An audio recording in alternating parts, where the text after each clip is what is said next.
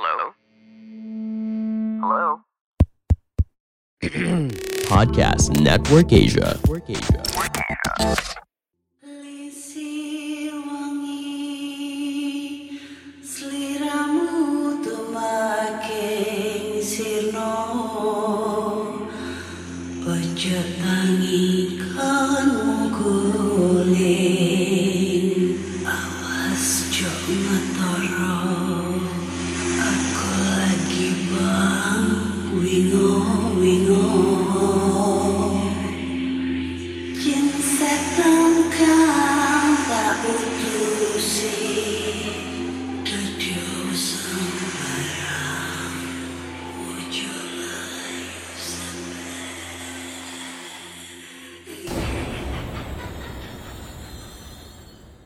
Hai Rek, iya apa kabar Ketemu lagi dengan aku si Ana di podcast kisah horor.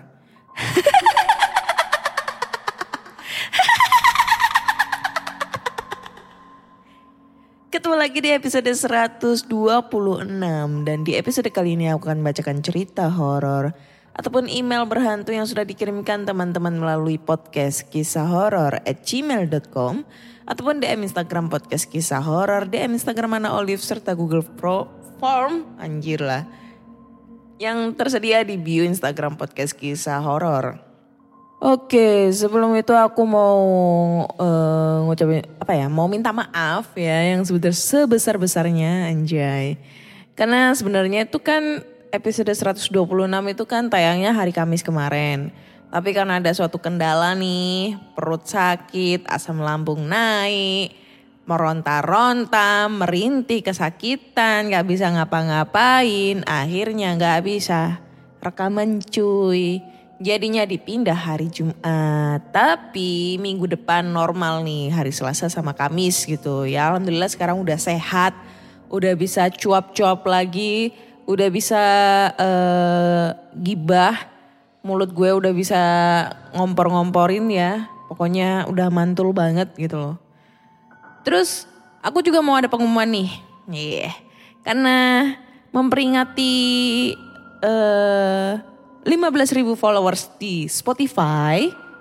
Banyak banget ya, thank you banget nih buat teman-teman yang udah setia banget ngedengerin podcast kisah horor sampai sekarang ya. Sampai followersnya udah 15 ribu. Udah up terus aja sampai 100 ribu, sampai 200 ribu, sampai akhirnya eksklu- eksklusif di Spotify ya. Aku mau ngadain giveaway lagi nih. Nah, giveaway-nya kapan nih? Tungguin aja. Eh, kapan? Pokoknya follow Instagramnya podcast kisah horor ya. Supaya kalian nggak ketinggalan updatean berita terbaru tentang giveaway kali ini ya. Karena giveaway-nya beda dari yang lain. Eh, beda yang dari yang lain. Beda dari yang lalu-lalu gitu ya. Pokoknya pantangin terus. Jangan lupa follow juga eh, podcast kisah horor di Spotify dan di Noise ya. Oke. Terus aku juga mau ngasih informasi nih bahwa kemarin ada yang komen, aduh. Sebenarnya sih komen itu juga menjadi suatu teguran ya buat aku ya. Kalau ada yang sekiranya nggak setuju nih dengan omongan aku, kalau misalnya ngomentarin cerita dari teman-teman yang sudah ngirim ke podcast kisah horor. Jadi sebelum aku masuk di cerita nih ya, aku mau ngejelasin. Sebelumnya kan aku juga udah pernah ngejelasin ke teman-teman nih, ke pendengar ataupun yang ngirim cerita. Jadi kalau teman-teman ada yang mau ngirim cerita ke podcast kisah horor, ya mohon maaf yang sebesar-besarnya kalau komenanku ini mungkin gak ngenak banget di kalian semua, terutama si pengirim cerita ya. Karena jujur, aku kalau komen itu ya asal nyeplos-nyeplos dari aku sendiri, mulut aku sendiri. Tapi by the way, thank you banget buat teman-teman yang sebenarnya ngedukung aku atau mungkin yang suka banget kalau aku komentar seperti itu karena yang lalu-lalu juga si pengirim cerita juga eh, suka dengan komentaran aku walaupun ceritanya nggak serem. Jadi ya kalau misalnya ceritanya nggak serem, aku bilangnya nggak serem. Ceritanya halu, aku bilang halu. Ceritanya eh, serem, aku bilang serem. Karena itu kan eh, pendapat dari orang lain ya, kayak gitu. Ya mohon maaf. Tapi nanti next next nih ya, mulai sekarang mungkin agak diolah nih kata-katanya ya, eh, akunya nih ya, untuk komentar-komentar cerita-cerita dari pengirim supaya yang teman-teman lainnya itu bisa menerima komentaran dari aku gitu. Oke, langsung aja kita bacakan ceritanya ya. Dan cerita pertama ini datang dari siapa ini? Ntar, oke. Cerita gunung, gunung, gunung dan gunung lagi. Emang cerita gunung itu nggak ada habisnya ya? Oke. Judulnya adalah Misteri Penunggu Gunung. Assalamualaikum warahmatullahi wabarakatuh Kak Ana. Waalaikumsalam warahmatullahi wabarakatuh. Kali ini aku mau bercerita Kak. Bertepatan Hari Kemerdekaan Indonesia Aku dan teman-teman ingin mengadakan pendakian di salah satu gunung di Jawa Barat. Walaupun tidak terlalu tinggi Tetapi cukuplah buat pengalaman kita Kami memutuskan pendakian tiga hari sebelum hari kemerdekaan kami pun membawa membawa semua perbekalan untuk satu minggu di atas gunung. Yang dimulai dari tenda, minum, dan pembekalan yang lain. Pendakian pun dimulai. Kami berempat, dua cowok, dua cewek. Sangat bersemangat untuk melakukan pendakian ini. Setelah perjalanan yang jauh dari rumah, kami pun sampai di pos pendaftaran. Kami pun mendaftar. Ah, nyampe mana tadi? Oh, nama kita dan lain-lain. Kami sementara menginap dimulai dengan mulus. Eh, bentar, nyampe mana ini? Oh, kami sementara menginap di pos pendaftaran dulu. Baru besok bisa mulai jalan. Keesokan harinya kami pun bergegas jalan. Berjalan dimulai dengan mulus dan tanpa halangan dan kami kadang berhenti untuk minum dan berfoto-foto. Nah, di tengah perjalanan mulai ada keanehan. Salah satu teman kami ada yang sudah pernah pendakian, tetapi di jalur lain. Nah, dia berpikir, kok lama banget ya? Padahal dulu satu hari semalam udah sampai. Tak lama setelah pembicaraan ada seorang cewek cantik banget dan salah satu teman kita yang di depan bertanya. Teh, punten, puncak masih jauh apa tidak? Ini udah sore, sebentar lagi malam, dan perjalanan kalian masih panjang. Lebih baik kalian bikin tenda di sini dulu, jawabnya. Dari pembicaraan cewek itu, kami pun memutuskan bikin tenda di situ. Malam pun tiba. Kami membuat api unggun agar tidak terlalu dingin. Setelah bercanda-canda dan bernyanyi-nyanyi, kami pun tidur di tenda masing-masing.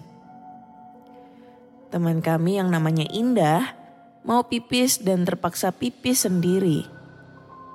Kami pun kaget, tiba-tiba ada suara jerit. Dan kami pun kaget juga karena Indah tidak ada di tenda.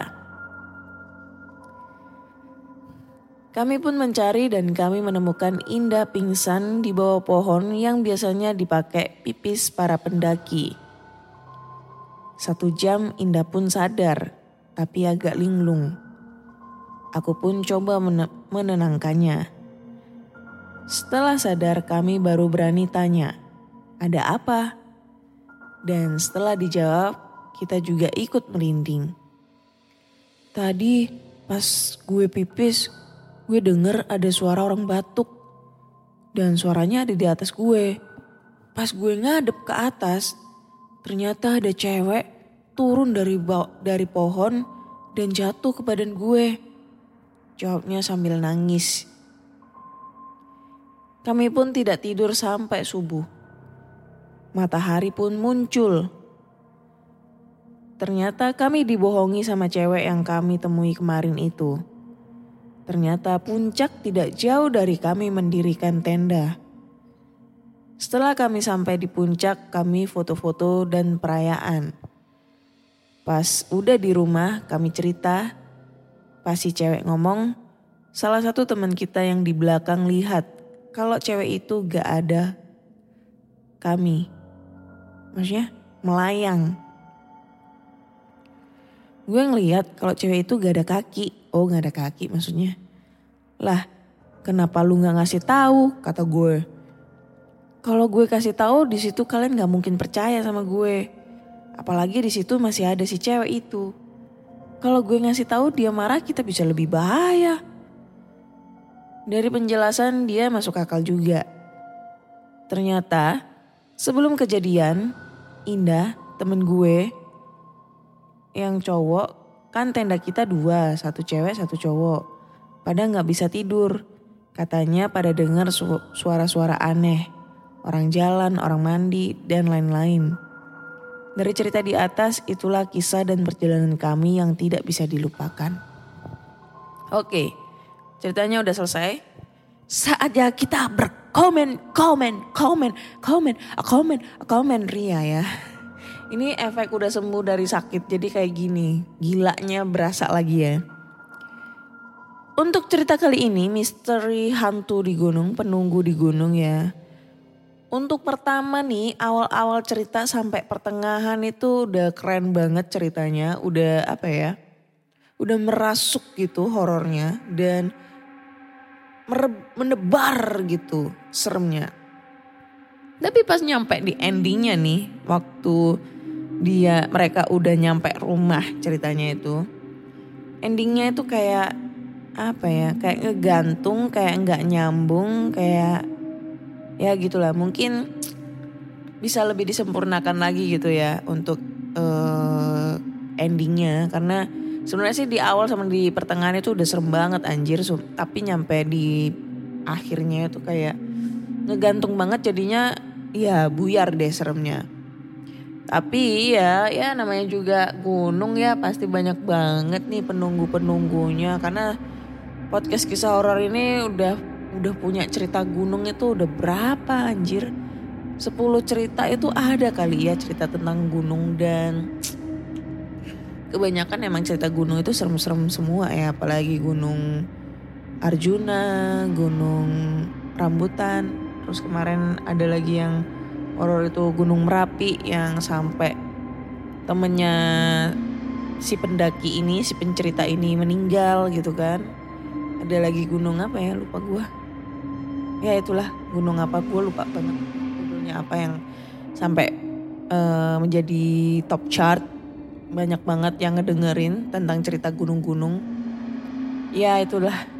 Mungkin ya mungkin ini nggak tahu sih ya eh, untuk apa namanya kenapa sebab akibatnya mereka bisa dihantuin gitu loh. Karena secara temennya kan ada salah satu temennya itu kan yang pernah ngedaki tapi ya aman-aman aja. Tapi kenapa pada pada saat mereka ngedaki nih ya dengan dengan personil dua cowok dua cewek itu mereka kayak dibikin singgah dulu terus diganggu gitu.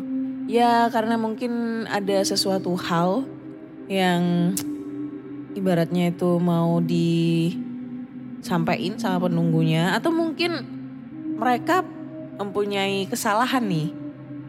Ya sekarang kan kita nggak tahu ya dengan kondisi dua cowok dua cewek yang tadinya dia menginap inginnya itu menginap di sana itu selama seminggu cuy. Maksudnya dia bikin tenda di atas itu selama nginep selama seminggu iya kan? Selama seminggu kan? Ntar dulu ya kan? Kami pun membawa kami memutuskan pendakian tiga hari sebelum hari kemerdekaan. Kami pun membawa semua perbekalan untuk satu minggu di atas gunung. Tuh bayangin coy. Satu minggu di atas gunung dengan kondisi dua cewek dua cowok dan lo nggak ngapa-ngapain di situ nggak merasa pengen nggak berasa sange atau apa pun itu itu hal yang sangat mustahil ya. Apalagi di situ sepi.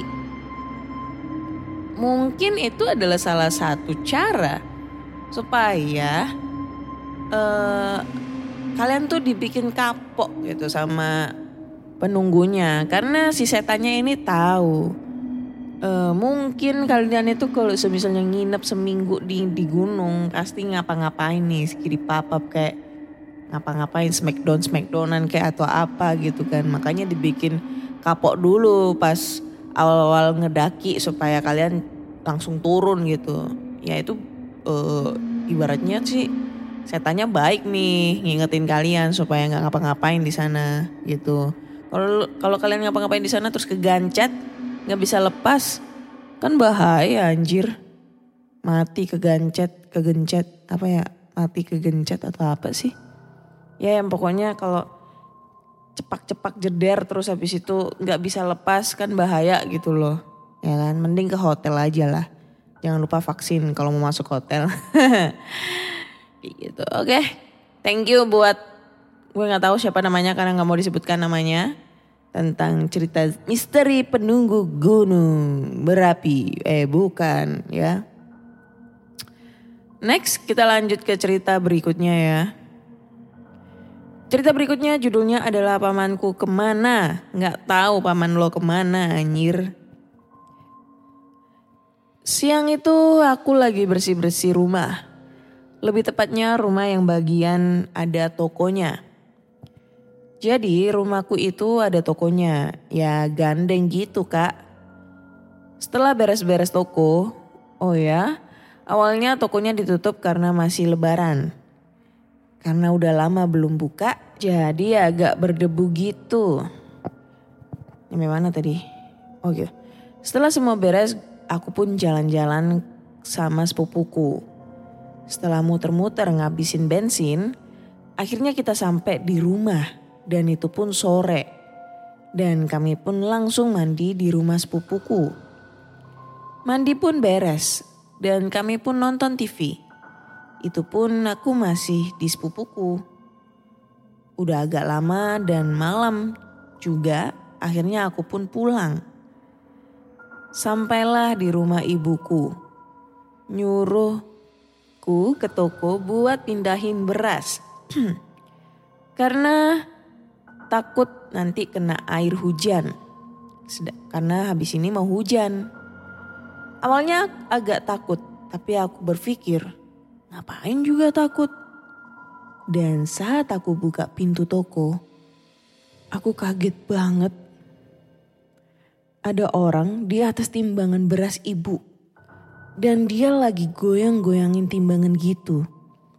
Dan orang tersebut adalah pamanku ayah sepupuku yang udah ku jelasin di atas. Hah? Jelasin di mana anjir? Tapi di situ aku masih berpikir normal. Jadi aku ajak ngobrol tuh orang. Pak De, ngapain malam-malam di sini? Dan pertanyaanku gak, gak dijawab. Pikirku, orang udah di dalam toko kok berasnya gak dipinggirin di bawah kolong. Kan aku gak harus ke sini. Pikirku kesel ke pamanku. Saat aku mindahin beras ke kolong dan pas aku nengok ke belakang, betapa kagetnya orang itu gak ada di situ. Tapi di situ aku masih pikir positif karena ah mungkin keluar kali. Pas aku udah pulang, aku cerita ke ibuku dan betapa mengerikannya ibuku bilang kalau pamanku lagi gak di rumah. Dan di situ aku kayak shock parah dan semenjak itu aku gak berani lagi ke toko sendirian. Ntar dulu, gue ini masih bingung ya. Dia bilang kan gue ke, harus ke eh mana sih tadi. Tapi di situ gue masih berpikir normal jadi nggak ajak mana sih. Oh ini, ayah sepupuku yang udah aku jelasin di atas. Di mana lu ngejelasinnya anjing? Ya itulah. Ya pokoknya itulah. Bingung gue ceritanya ini juga. Jadi dia intinya itu dia ngeceritain.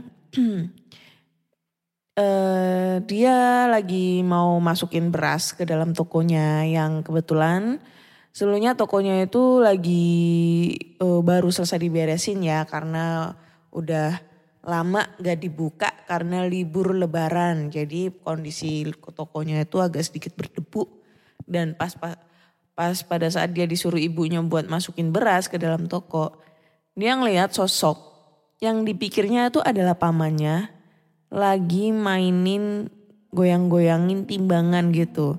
Mungkin yang timbangan yang dimaksud itu timbangan timbangan yang ini loh, yang meja, timbangan meja yang pakai uh, wadah itu ya, yang biasanya dikasih uh, apa nih? Kayak ada besi yang ada yang satu kilo, ada yang setengah kilo, ada yang seperempat kilo, ada yang dua kilo, ada yang lima kilo. Nah itu mungkin dia mainan goyang-goyang ini tuh kan bisa digoyang-goyangin tuh jungkat jungkit jungkat jungkit kayak gitu. Nah mungkin yang dia lihat kayak gitu. Tapi mungkin ya sosoknya itu agak siluet seperti pamannya dia dan dia tuh sempat berpikir orang lagi udah diberesin kok nggak dipindahin gitu loh berasnya. Dan pas ternyata dia nanya ke ibunya, ibunya bilang kalau pamannya itu nggak lagi di sini, pamannya lagi di luar di luar kota lah ibaratnya kayak gitu. Menurutku ini ceritanya kurang ya, kurang serem bagiku ya. Ya kalau bagi aku ya, tapi nggak tahu lagi kalau bagi si pencerita karena kan ini kan uh, mereka kan mengalami secara langsung, sedangkan aku kan membacakan lagi. Jadi kalau dibacakan itu uh, agak kurang serem. Tapi kalau semisalnya kalian kirim cerita dan ceritanya itu uh, pengolahan kata-katanya itu bisa bikin kita terbawa secara real banget masuk dalam cerita itu bakal kerasa banget horornya walaupun horornya cuma sekedar ketemu setan gitu doang yang mainan timbangan. Itu bisa jadi guys. Itu. Jadi ya kemungkinan nih ya. Kemungkinan sih kalau aku lihat sih ya sorry tuh sorry ya. Halu kali ini.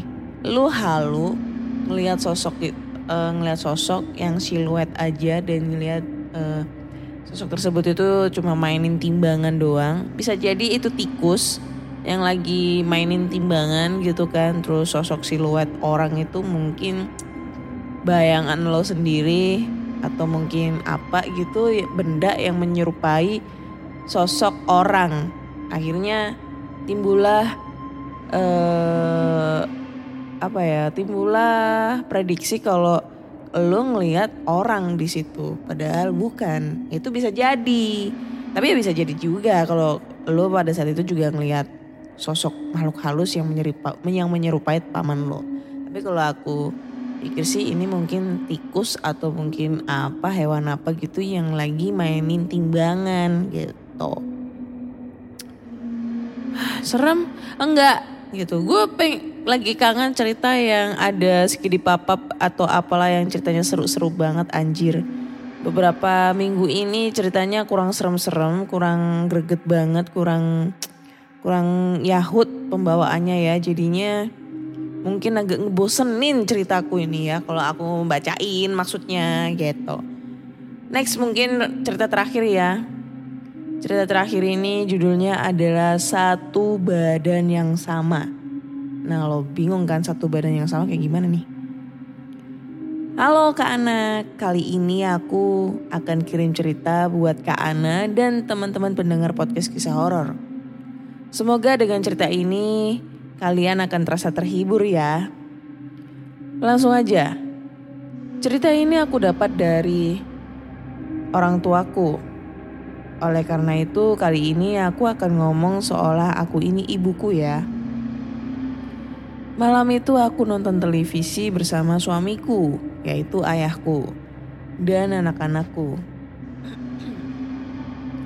Kami menonton televisi mulai dari jam 7. Selama beberapa jam tidak ada yang aneh. Semua bersuara normal. Eh, semua bersuasana normal. Kami menonton TV sambil berbincang-bincang. Tak terasa jam menunjukkan pukul 21 lewat 12. Anak-anak sudah pada mengantuk dan beranjak menuju kamar masing-masing. Yang tersisa hanya aku dan suamiku. Kami mengobrol tentang keuangan, tapi juga diselingi komentar acara TV. Waktu itu memang acara TV lagi ada wayang. Maklum orang tua. Satu jam berlalu dari beranjaknya anak-anak. Jam menunjukkan pukul 22 lewat 15 dan kami tidak mengantuk. Saat itulah hal aneh mulai. Kami berdua mendengar lemari baju kami berbunyi seperti ada yang membukanya. Tapi kami tidak hiraukan suara tersebut. Karena kami berpikir bahwa itu adalah tikus atau mungkin lemari yang sudah tua. Memang lemari itu kadang sulit ditutup karena engselnya sudah berkarat. Beberapa menit kemudian suara tersebut muncul lagi. Sontak kami kaget. Kalau lemari tertutup menjadi terbuka bisa dipikir pakai logika. Tapi kalau lemari terbuka, menutup sendiri itu di luar logika. Kami memutuskan melihat kamar kami. Saat kami melihatnya, lemari itu tidak bergerak. Yang bikin kami kaget adalah lemari itu sudah dalam keadaan terkunci. Saat kami tidak menghiraukannya tadi, aku lupa kalau sudah aku kunci. Saat itu kami keluar melanjutkan menonton TV.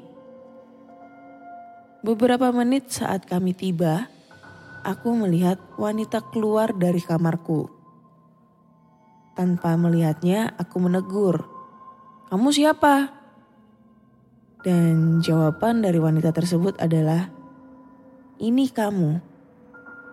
Saat mendengar jawaban wanita itu, aku langsung menoleh ke arahnya. Aku kaget sekali saat aku melihatnya. Memang benar, ada seorang wanita berjalan menjauhiku. Dia memakai baju persis yang aku pakai saat itu, dengan badan yang sama. Hanya saja terlihat tubuh bagian belakang.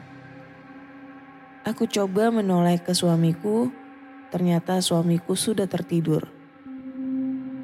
Saat aku menoleh ke arah wanita itu, wanita itu sudah tidak ada. Apa mungkin wanita itu aku atau hantu? Catatan, kisah ini nyata dialami oleh ibuku sendiri. Tidak tahu persis kapan hal itu terjadi, tapi kejadian ini adalah nyata. Thank you banget Kak Ana sudah dibacakan cerita dari ibuku ini. Mohon maaf jika ceritanya kurang seram. Oke, thank you banget buat cerita terakhir ya. So, menurut aku ini mungkin bisa jadi sleep paralysis ya. Apa? Sleep paralysis? Wanjing, gue so Inggris banget.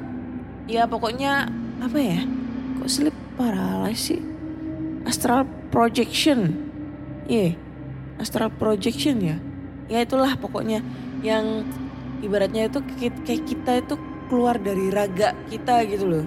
Tahu gak sih lo? Astral projection atau apa sih? Kok seketika aku jadi bego sih? Astral projection. Ah nih. Astral projection adalah istilah yang digunakan dalam esoterisme untuk menggambarkan pengalaman keluar dari tubuh atas keinginan sendiri yang diduga sebagai suatu bentuk dari telepati yang mengusum, mengasumsikan adanya jiwa atau kesadaran yang disebut tubuh astral yang terpisah dari tubuh fisik. Nah itu, itu yang bisa biasa disebut dengan uh, perjalanan astral ya. Astral projection ya pokoknya itulah jalan-jalan gitu kan. Raga ragamu itu jalan-jalan. Itu bisa jadi sih. Tapi kan kalau misalnya perjalanan astral itu kan biasanya sengaja ya tapi kan bisa jadi tanpa sengaja gitu makanya eh, mungkin ibumu itu sedang mengalami perjalanan astral tapi dia nggak sadar nih kalau kalau apa namanya dia posisinya dalam keadaan astral projection.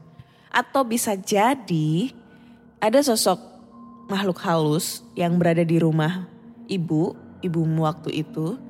Dan posisinya uh, ibumu ditakutin dalam bentuk wujud yang menyerupai dengan ibumu. Eh, apa ya? Mungkin eh, duplikat gitu ya. Ngeduplikatin ibumu itu bahaya banget nih kalau semisalnya apa bapak bapakmu pada posisi ibumu nggak ada di rumah terus tiba-tiba ada ibu pulang terus sekiri papap gitu kan sama ibu lo kan bahaya banget ini kan soalnya sering terjadi sih tapi kalau ini kan terjadinya sama genderuwo ya. Genderuwo pastinya eh, genitnya sama cewek tapi kalau genitnya sama cowok kemungkinan ya kalau nggak kuntilanak ya wewe gombel biasanya kayak gitu kan. Tuh kalau biasanya genderuwo kan dia kan menyerupai so- sosok laki-laki gitu Mbo itu suami pacar atau siapa pun itu loh pokoknya laki-laki gitu kan. Laki gitu kan. Ya mungkin kalau cewek sih memang gombel kali ya. Mungkin. Nah itu itu bisa jadi. Tapi ya walau sih. Eh siapa ya?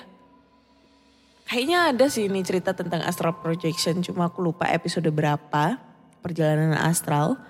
Dan itu emang serem banget. Itu bisa juga bahaya sih buat kita kalau misalnya kita melakukan pra- eh, astral projection atau perjalanan astral. Tapi tiba-tiba jiwa kita itu tidak bisa kembali ke tubuh kita.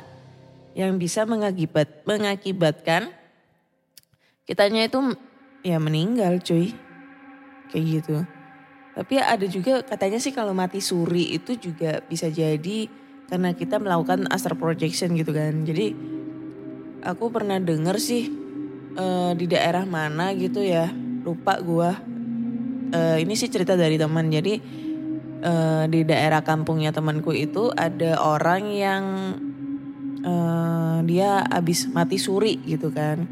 Dan ini anak eh, orangnya tuh masih remaja gitu sekitar umur 17 18 lah pokoknya masih SMA nah dia tuh katanya tuh eh, pada posisi itu dia lagi apa gitu loh ngimpi ngimpi kakeknya. Terus habis itu dia kebangun.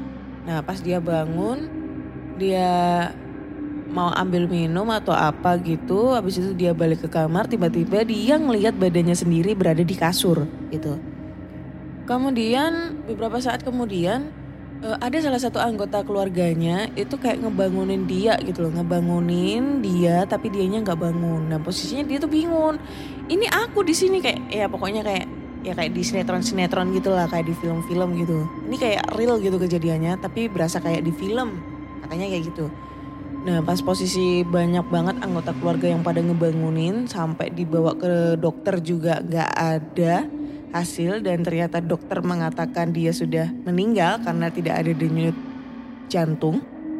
Akhirnya dibawa pulang, dibawa pulang ke rumah dan posisinya itu yang punya badan itu ngikutin gitu dari perjalanan mereka ke rumah sakit terus habis itu balik lagi ke rumah sakit sampai akhirnya dia dinyatakan meninggal. Terus tiba-tiba itu dia ngelihat sosok dua orang memakai jubah putih-putih semua gitu. Katanya kayak gitu dia punya eh, dua orang memakai jubah-jubah putih. Terus si orang tersebut mengatakan bahwa belum saatnya cuma gitu aja belum saatnya kamu belum saatnya. Dan pada saat itu dia kayak ketarik lagi ketarik gitu dari badannya menuju eh, ketarik menuju ke badannya gitu loh. Dan akhirnya dia seketika sadar. Posisinya dia itu katanya udah mau dikafanin. Belum belum dipocongin sih udah mau dikafanin tapi ditutup. Ditutup pakai selimut gitu loh selimut batik. Terus mukanya ditutup pakai selimut yang bening gitu loh. Apa ya? Bukan bening yang terawang gitu. Langsung dia bangun banyak orang yang lari-lari. Nah pada saat itu dia pada saat itu juga dia langsung bisa ngelihat hal-hal yang tak kasat mata Nah katanya sih astral projection bisa jadi seperti itu. Nah mungkin kalau aku lihat dari keceritanya si pencerita ini bisa jadi dia astral projection tapi mungkin dengan cara yang berbeda astral projectionnya bisa jadi ada sosok penunggu yang menyerupai sosok ibumu itu. Jadi ya harap waspada juga gitu. Oke. Sekian dulu cerita untuk episode 126 ini ada udah ada tiga cerita yang aku bacain. So buat teman-teman semua yang pengen kirim-kirim cerita nih ya, berbagi cerita, kalian bisa langsung aja kirim ceritanya ke podcast kisah horor at gmail.com ataupun DM Instagram podcast kisah horor, DM Instagram Ana Olive, serta Google Form yang linknya tersedia di bio Instagram podcast kisah horor. Kemudian jangan lupa follow juga podcast kisah horor di Instagram dan podcast kisah horor di Spotify. Dan inget jangan lupa nih ya, kalian harus pantengin terus Instagramnya podcast kisah horor, follow juga Instagramnya podcast kisah horor karena bakalan ada berita baik gitu ya, ada giveaway yang akan datang menanti kalian semua. Nah, kapan tuh kak? Ya tungguin aja nanti beritanya di feed Instagram sebentar lagi, oke? Pokoknya jangan lupa, oke? So, thank you banget udah denger-dengerin podcast kisah horor sampai saat ini.